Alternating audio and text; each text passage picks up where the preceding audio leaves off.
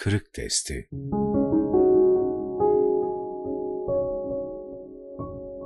Dinin afeti üç zümre. Soru. Afetü dini selâsetun, fakihun facirun ve imamun cairun ve müçtehidun cahilun. Dinin afeti üçtür. Günahkar fakih, zalim idareci ve cahil müçtehit.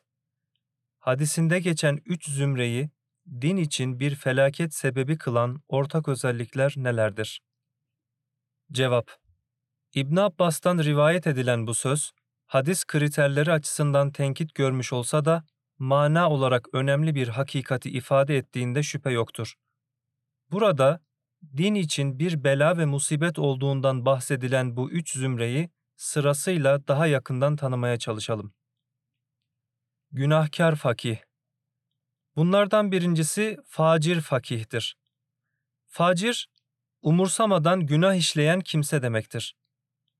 Öyle bir kişi düşünün ki, kitap ve sünnetle meşgul oluyor, bu iki kutsi kaynaktan hüküm çıkarıyor, fakat yaşantısı itibarıyla fıskı fücur içerisinde. Sırat-ı müstakimde yürüyemiyor, çizgisini koruyamıyor. Dinin haram kıldığı bazı fiilleri işliyor, günaha giriyor. Mesela kazancında helal haram sınırlarını gözetmiyor, eline ve diline hakim olmuyor, heva ve hevesinin, arzu ve tutkularının arkasından koşuyor. Demek ki ilminin kendisine faydası yok. Kur'an-ı Kerim bu tür kişileri sırtında kitap taşıyan merkeplere benzetir. Efendimiz sallallahu aleyhi ve sellem de dualarında fayda vermeyen ilimden Allah'a sığınmıştır. Yine Allah Resulü şöyle buyurur. İlminin artmasına muvazi olarak dünyaya karşı müstahaniliği artmayan kimsenin ancak Allah'a olan uzaklığı artar başka değil. Böyle bir kişinin işlediği günahlar sadece şahsıyla sınırlı kalmaz. Zira insanlar onun gözünün içine bakmakta, sözüne kulak vermekte, yaptıklarını örnek almaktadırlar. Dini sorularına cevaplar veren, müşkillerini halleden bir alimin fıskı fücur içinde yuvarlanıyor olması, çoklarının kuvve-i maneviyesini sarsar. Kur'an ve sünneti bilen, sürekli dini meselelerle meşgul olan biri yoldan çıktığında, çoklarını da arkasından sürükler. Hele böyle bir kişi, fetvalarında da huda yerine hevaya tabi oluyorsa, iş iyice çığırından çıkar. Eğer böyle biri kalkar, yolsuzluk hırsızlık değildir derse, çokları o halde bize hırsızlık yolu açıldı diye düşünebilir.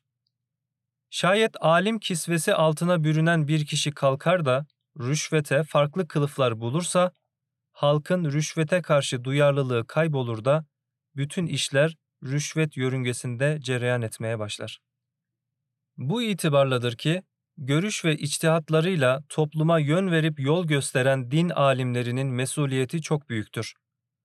Çokları onlara bakarak yol ve yönlerini tayin ederler. Onların inhirafı kendileriyle sınırlı kalmaz, çevrelerine de sirayet eder. Onların sukutu, sıradan bir insanın sukutu gibi değildir. Onlar söz veya fiilleriyle çizgi kayması yaşadıklarında toplumu da inhirafa sevk etmiş olurlar. Bu sebepledir ki onların yanlışlarının toplum üzerindeki negatif etkisi yer yer şeytanın vesvese ve ivalarından bile daha çaplı ve büyük olabilir. Çünkü şeytan soldan gelir ve insana kötülükleri telkin eder. Eğer kişi heva ve hevesine tabi olmazsa, şeytanın oyunlarından salim kalabilir. Ne var ki, dini kisveye bürünmüş, ağzından ayet ve hadis düşürmeyen kimselerin durumları böyle değildir. İnsanlar onların sözlerine kulak verirler.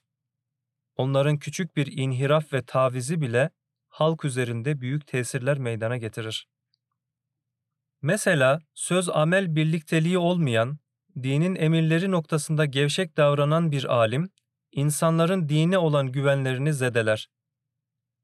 Dini siyasi hedeflerine alet eden, din istismarı yapan bir din adamının dine verdiği zarar, normal bir kişinin verdiği zarar gibi olmaz. İşte bütün bunları göz önüne alacak olursak, hadisi şerifte dinin afeti olarak niye ilk başta facir fakihin zikredildiğini daha iyi anlarız. Muhtemelen bunlar öte tarafta ifal ve idlal ettikleri insanların önünde yürüyecek ve hep hacalet yaşayacaklardır. Zalim idareciler Hadiste zikredilen ikinci grup zalim idarecilerdir. İdareci derken bir müessesenin başındaki insandan bir devletin başındaki insana kadar geniş bir çerçeveyi kastediyoruz. Tabii ki mevzumuzla ilgili öncelikli olarak akla gelmesi gereken kişiler devlet başkanı ve sair devlet erkanıdır. Adil idarecilerin Allah katındaki derece ve makamı ne kadar yüksekse, bulunduğu makamı insanlara cevrü cefa etmede kullanan zalim yöneticilerin de Allah katındaki yeri ve konumu o kadar aşağıdır. Malum olduğu üzere arşın gölgesinde gölgelenecek yedi grup insan sayılırken, ilk olarak adil yönetici zikredilir. Ağzına bir arpa kadar haram koymayan, yarım kelimeyle olsun yalana tenezzül etmeyen, bir dirhem dahi olsa kimsenin hakkını yemeyen, yedirtmeyen, kimsenin haysiyet ve şerefiyle oynamayan idareciler, ahirette enbiya-i izamın arkasında yerlerini alacaklardır. Bunun tam aksine, tebaasına zulmeden yöneticiler, hadisin ifadesiyle toplum ve fertler açısından bir musibettir. Şayet bir devletin idaresinden sorumlu serkarlar, halka cevrediyor, insanların canını yakıyor, onlara haksızlık ediyorlarsa, o toplum musibetzede, afetzededir. Hele hele gözünü iktidar hırsı bürüdüğünden dolayı, kendisi için tehdit gördüğü bütün muhalifleri bertaraf etme adına şeytanı utandıracak tuzaklar kurup hileler yapmak, onlar hakkında haksız yere taanu teşnide bulunmak, farklı iftira ve suçlamalarla onları cezalandırmak, türlü türlü yolsuzluklarla tüyü bitmemiş yetimin hakkını yemek gibi şeni davranışlar öyle büyük birer musibettir ki, böyle bir musibete düçar olmuş bir toplumun belini doğrultması artık çok zordur. Haklarına girdiği insanlarla birer birer helalleşmedikçe bu tür zalim yöneticilerin cennete girmesi mümkün değildir. İsterse İstanbul'u fethetmeye denk 50 tane amel işlesinler. Zulmü bırakmadıkça ve zulmettikleri insanların rızalarını almadıkça Allah'ın azabından ve gazabından yakalarını kurtaramazlar.